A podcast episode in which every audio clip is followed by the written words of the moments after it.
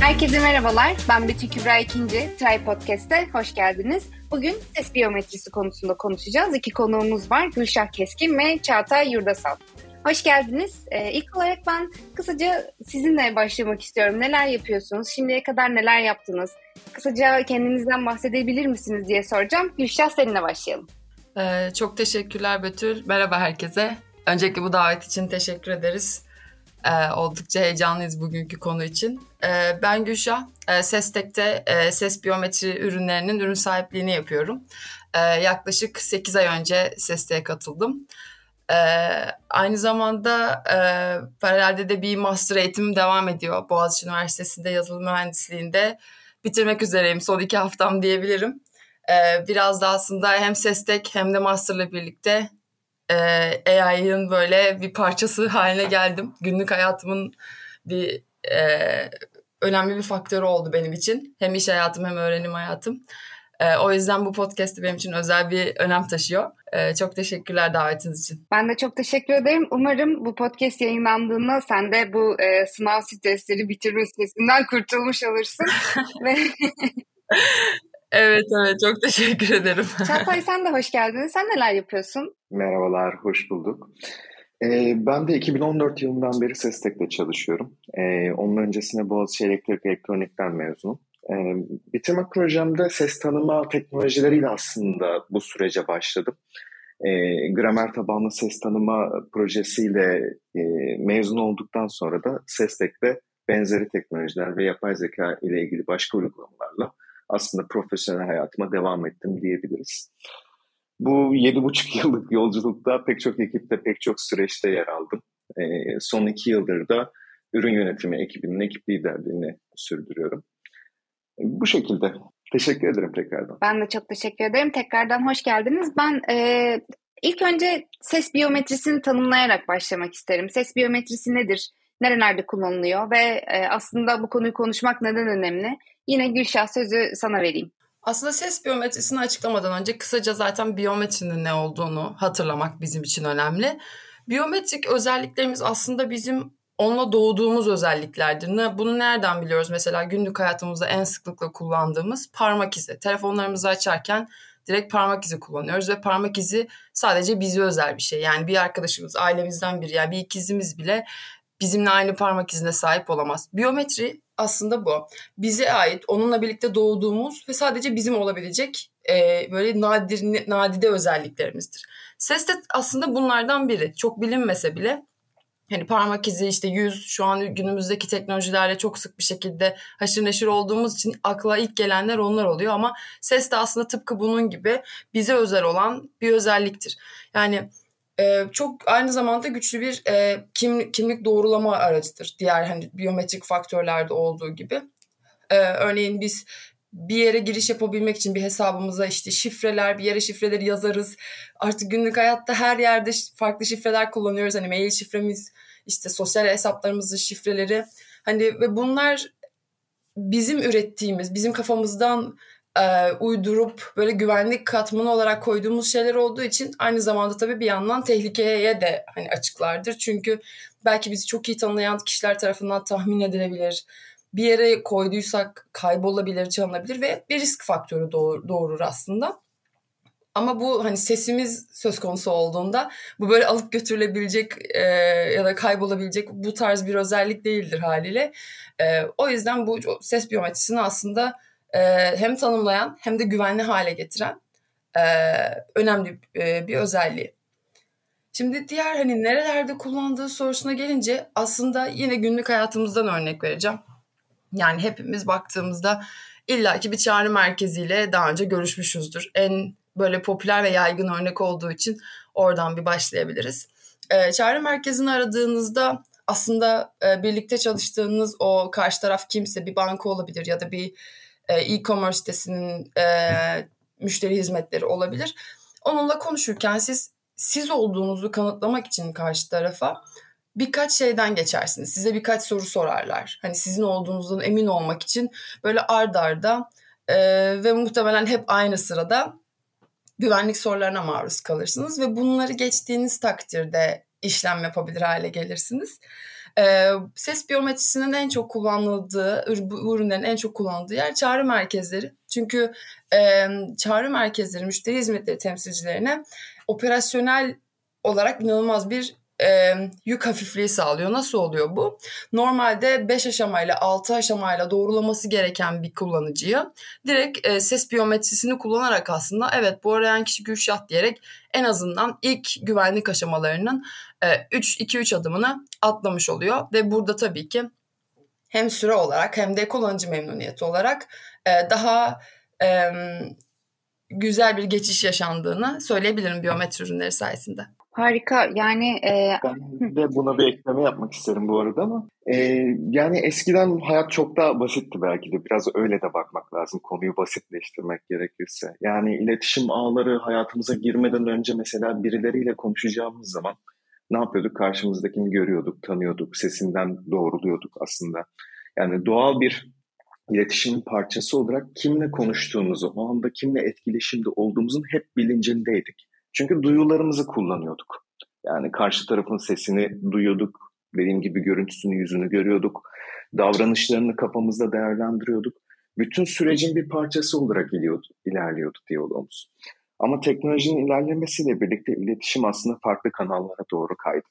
Az önce Gülşah'ın da verdiği çağrı merkezleri, telefon hatları üzerinden pek çok kişinin birbirleriyle e, iletişim halinde olması, ya da internet üzerindeki benzeri uygulamalarda artık şey şüphesi doğdu. Ben gerçekten karşıdaki kişiyle mi görüşüyorum? Yani gerçekten konuşmak istediğim kişiyle mi görüşüyorum daha doğrusu? E bunu çözmek için de hani e, gelişen teknolojinin yarattığı bir problem belki ama yine çözüm de teknolojiyle birlikte geldi. Biyometrik ürünler bunlarla birlikte doğmaya başladı.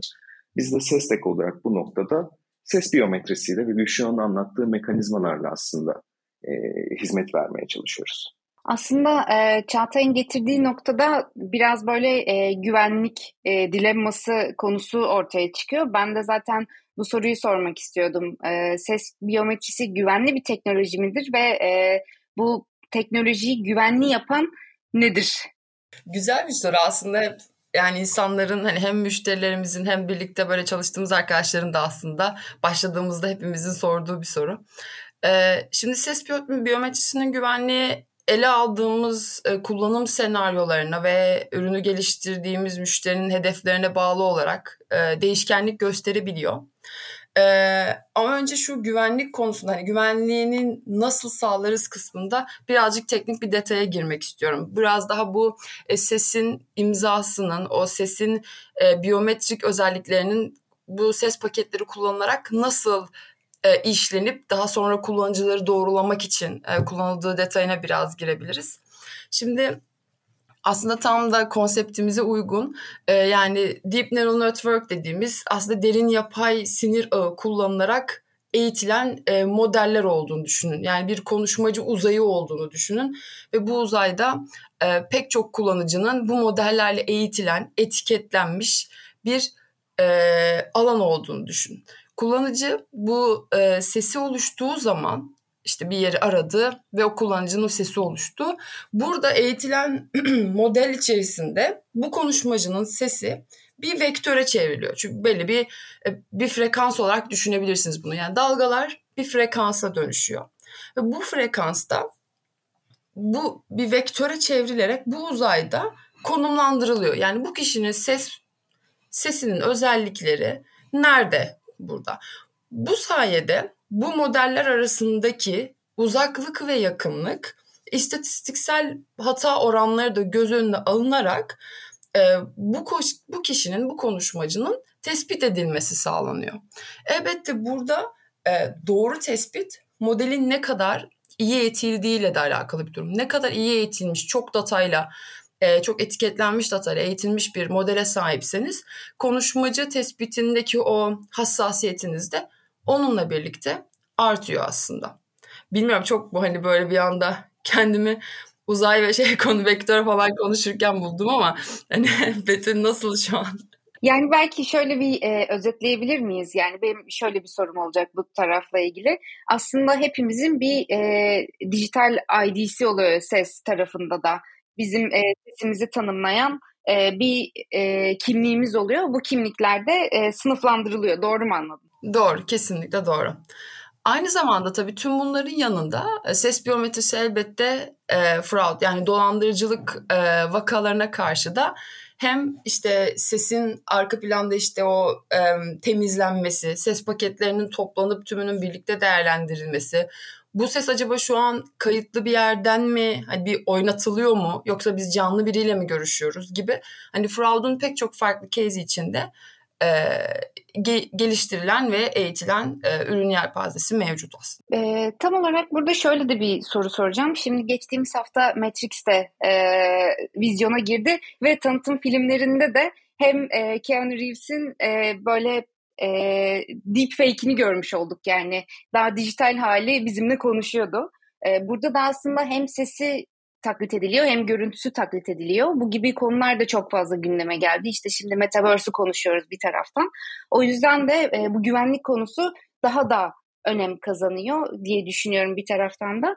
E, gerçek sesle e, dijital sesi ya da işte kayıttan çıkan sesi bir şekilde e, taklit edilen sesi nasıl ayırıyoruz peki?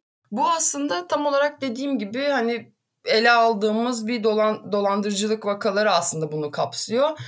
İşte genelde şöyle soru oluyor. Benim sesim kaydedildi ve ben farkında değildim. Ondan sonra benim sesim kullanılarak işte benim belki üyesi olduğum ya da benim bir müşterisi olduğum başka bir yere kötü niyetli bir biri aradı ve hani kendini benmiş gibi doğrulatmaya çalıştı.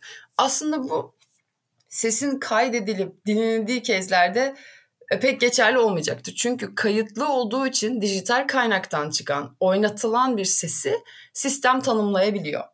Elbette bunlar şeye de göre de değişiyor. Artık tabii telefonlarımız, akıllı telefonlarımız ses paketlerini çok net bir şekilde aktarabiliyor. E, şey kabiliyetleri oldukça yüksek olmasına rağmen yine de oynatılan bir dosya olduğu için karşı taraf zaten biyometri ürünlerini kullanan e, kullanıcılar e, bu kişinin bu çağrı şu anda oynatılıyor ru tespit edebiliyor. Kaldı ki şöyle bir açı da var. Özellikle burada mesela bankalardan örnek vermek istiyorum.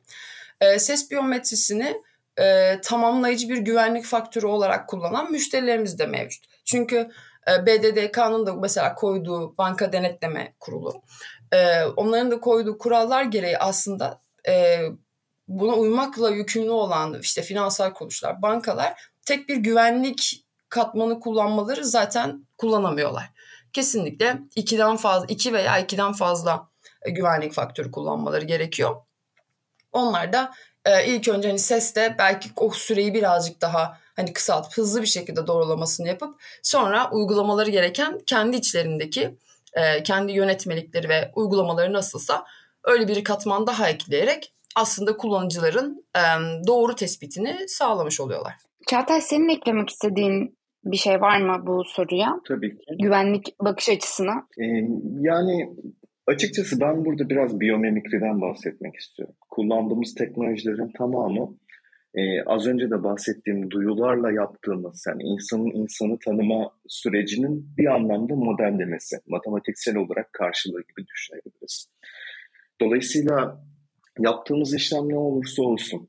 Mesela telefonda konuşuyoruz ve ses biyometrisi bizi doğrulamaya çalışıyor.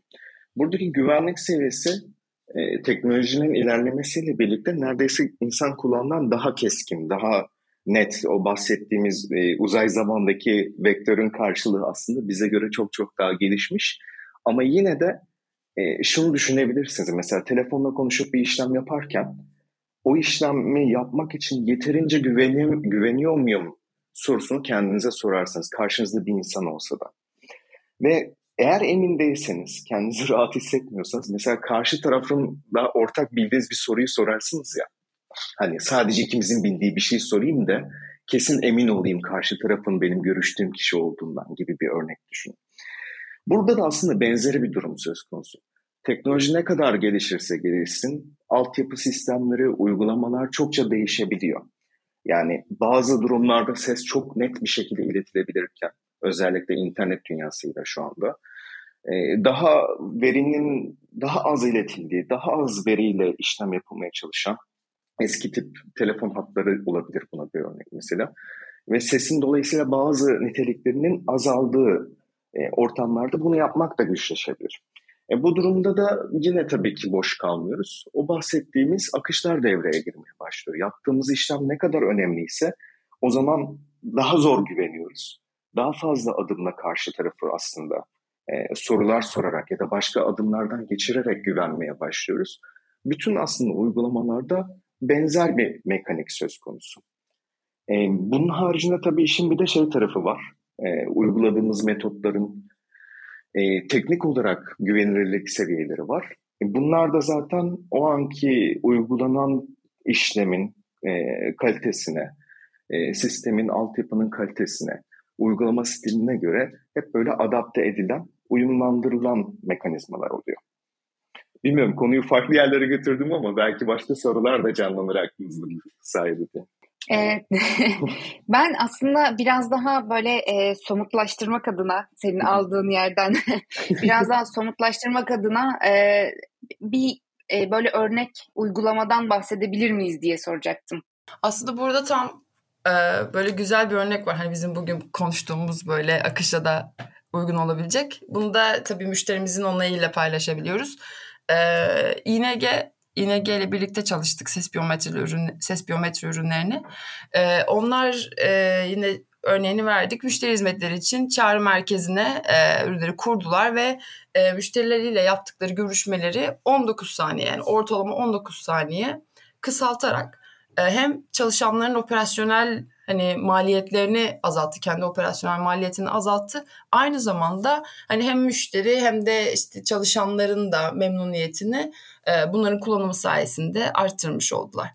E, bu örnekleri böyle şey hani ancak şeylerle müşterilerimizin onayıyla verebildiğimiz için e, çok farklı şeyler sunamıyorum ama en azından ING için konunun bu olduğunu söyleyebilirim. Yani aslında bu hem şirket için de biraz e, bir karar yani ben e, müşterimi e, biricik müşterilerimi aslında bir taraftan e, direkt olarak teknolojiyle yüz yüze getiriyorum ve eğer burada başarılı bir süreç olmazsa en sonunda e, müşterinin mutsuz ayrıldığı bir e, noktaya da getirebilir. O yüzden aslında bu teknolojilerin gelişiyor olması, iyileşiyor olması hem kullanıcılar için daha hızlı hizmet almak hem de e, bu hizmeti kullanan e, şirketler için de daha doğru hizmet vermek anlamına geliyor. Ama e, benim aklıma da şu soru geliyor buradan başlayınca. E, bu teknolojilerin gelişmesi, iyileşmesi e, doğru müşteri deneyimi dışında başka bir anlama geliyor mu? Yani bizim için ne anlama geliyor aslında işin özeti? Burada aslında gitmek istediğim nokta böyle benim aklıma hep şu geliyor. Biraz da elbette hani şu an ses tekte hani sesle ilgili çalışan biri olarak Iron Man'i hepimiz yani çoğumuz izlemişizdir. Orada bir ana karakter var tabii ki. Ee, ama ana karakterden ziyade benim için önemli olan orada Jarvis. Ne yapıyor işte?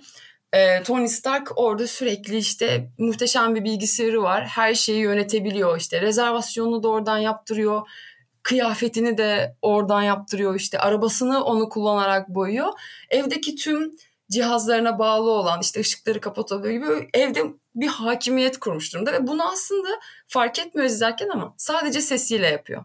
Çünkü bilgisayarı Tony'nin Tony olduğunu biliyor sesiyle ve onun e, istediği tüm şeyleri ev içerisinde gerçekleştirebiliyor. Ve aynı zamanda hani bu işte şeyi kullanabilen, Jarvis'i kullanabilen bir başka biri de yok. Yani eş bile onun belli şeylerini hani ona itaat etmiyor mesela. Hani bu aslında hani sesi kullanarak hani hem burada tabii şeye de gireceğim. Jarvis'imiz olmasa bile hani bizim de kendi Jarvis'lerimizden, kendi kahramanlarımıza örnek vereyim.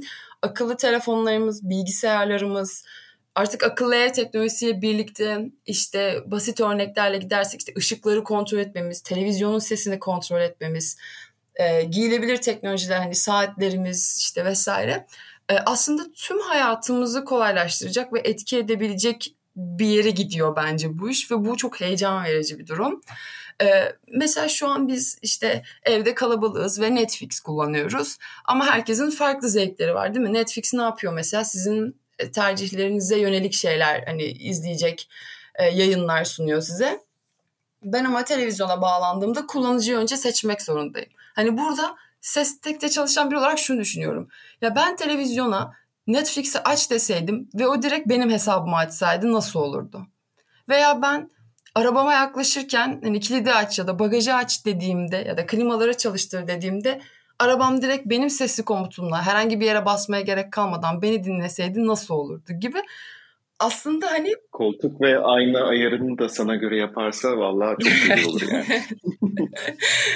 Kesinlikle öyle. Yani aslında hani bu teknolojinin gelişmesi ve yaptığımız çalışmalar aslında bu hedefe yani her gün biraz daha yaklaşmayı hedefliyor aslında daha kişiselleştirilmiş, daha bizim istediğimiz gibi yani ben nasıl istiyorsam, Gülşah nasıl istiyorsa, Çağatay nasıl evet. istiyorsa ona uyguluyor aslında. Bir de mesela işte e, verdiğin örneğe şunu ekleyebilirim belki. E, Netflix için e, ben tek başımayken mesela daha böyle yavaş e, filmler izlemeyi seviyorumdur ama işte yanımda farklı insanlar varken işte daha farklı filmler izlemeyi seviyorumdur. Ona göre de belki özelleştirebilse, sesimize göre birden fazla sesin orada olduğunu bilse gibi e, noktalar da var aslında. Çağatay sen ne düşünüyorsun? Ben burada ya biyometriye biraz indirgemek gerekirse hani bütün teknolojilerden aslında bahsediyoruz ama teknoloji özellikle her alanda bize hizmet sağlamak için gelişmeye ve yeni alanlar yaratmaya devam ediyor. Biyometri benim için biraz zaman an, e, şeyi var, mimi var üzerinde. Yani biyometriyle birlikte az önceki örnekte Netflix'e girmem ya da Jarvis'e bir komut vermemde bu komutu kim veriyor? Şu anda kim televizyonu izliyor? Kim arabaya biniyor? Yani sorularına cevap vermekten kurtuluyorum aslında. Kendim zaman kazanıyorum bir kullanıcı olarak. O yüzden de e, belki çok küçük zamanlar olarak böyle karşımıza çıkabilir ama gittiğimiz yerde pek çok sistemle belki 7-24 devamlı etkileşim halinde olacağız. Hani bireyler olarak, toplumun bir parçası olarak. O yüzden de bu küçük küçük zamanlar aslında toplamda bana çok fazla e, gibi geliyor. Hani gittiğimiz noktayı hayal ettiğimde. Dolayısıyla biyometri teknolojisine inecek olursak ben aslında kendimi tanıtmak, e, kendimin Çağatay olduğumu ispat etmek için e, çok fazla çaba harcamamak benim kazancım ve zaman kazanıyorum her yaptığım harekette gibi hissediyorum. Kısım yani bir de e, dediğin gibi sadece mesela bir yerde tanıtmış olmuyorsun. Teknolojiler kullanıldıkça daha da yaygınlaştıkça her adım attığımızda oradan bir şeyler kazanıyoruz ve bu şekilde akış daha da akışkan hale geliyor yani o yüzden de e, güzel. Peki e, yani böyle işte çok güzel teknolojilerden konuştuk. E, Jarvis'ten konuştuk, Netflix'ten ya da işte bir sürü başka şeyden konuştuk. Biyometrinin limitleri var mıdır ve bu limitler nelerdir? Biyometrinin limitleri aslında birazcık veriyle de alakalı. Yani bu konuda bir eğitim sürecinden bahsetmişti Gülşah mesela e, yapay zeka teknolojilerini anlatırken. Dolayısıyla iki parçası var gibi düşünebiliriz. Kurduğumuz algoritmalar ve teknolojinin kendisi işin bir parçası. İkinci kısmı ise e, kullandığımız etikette veriler. Dolayısıyla ne kadar iyi bir teknolojimiz olursa olsun yeterince elimizde veri, materyal olmazsa elimizdeki algoritmaları eğitemeyiz. Yapay zeka modelleri elde edemeyiz. E, aynı şekilde çift taraflı olarak birbirlerini sınırlandıran mekanizmalar gibi düşünebilirsiniz bunu. E, iki tarafı da iyileştiriyorsak ben birazcık böyle şey gibi ele aldım. Teknik limitler olarak ele aldım ama e, nereye gidebilir gibisinden de yanıtlamamı ister misin? Çok isterim.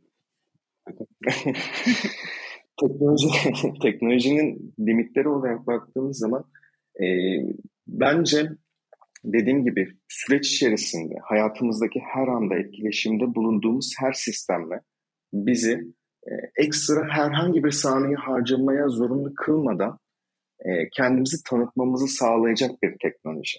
Dolayısıyla bu noktaya kadar zorlanabilecek, e, yani bunu hem donanımlarla hem yazılımlarla hem yeni sistemlerle düşünebiliriz. Devamlı zorlanabilecek bir limiti var. Hani buradaki limit herhalde yüzde yüz doğrulukla herkese, her koşulda, her ortamda, e, her e, inputla, her sinyalle doğrulayabilmek olurdu. E, bu yönde de aslında biz de yaptığımız geliştirmelerle devamlı olarak ürünlerimizi o noktaya doğru götürmeye çalışıyoruz. Zaten veri miktarı arttıkça yapılabilecek çalışmaların da kapsamı da artıyor. O yüzden e, limitler değil de aslında yani limitler de aslında her e, seferinde biraz daha artmış oluyor. Örnek uzayımız sürekli olarak büyümüş oluyor. Bir de değişiyor da. E, Metaverse'den bahsettim mesela biraz önce. daha önce hayatımızda olmayan bir ortam, bir medium'dan bahsediyoruz mesela.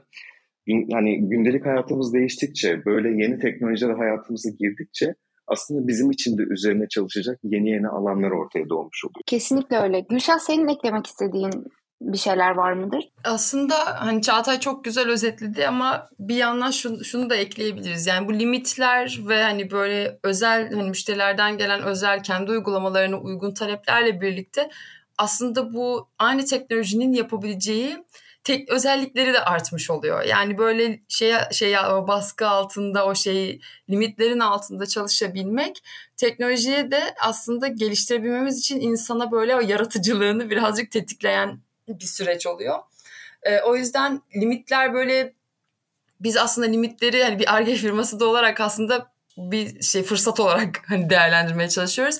Tamam hani böyle bir limit var, hani böyle bir kural var. Hani bunun etrafından nasıl dolanabiliriz veya bunu e, bunu şey yapmadan, buna zarar vermeden bu şekilde bir geliştirme nasıl olabilir diye aslında hani her gün e, çalışmaya devam ediyoruz.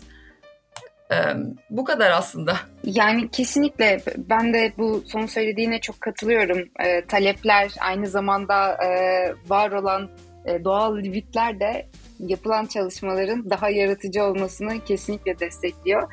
Ben çok teşekkür ederim. Çok e, benim için de çok öğretici oldu. Eminim ki dinleyicilerimiz için de keyifli bir e, kayıt oldu, keyifli bir bölüm oldu diye düşünüyorum. E, Tekrardan hem sana hem Gülşah sana hem Çağatay sana çok teşekkür ederim. Ee, bir sonraki Try Podcast'te görüşmek üzere diyorum.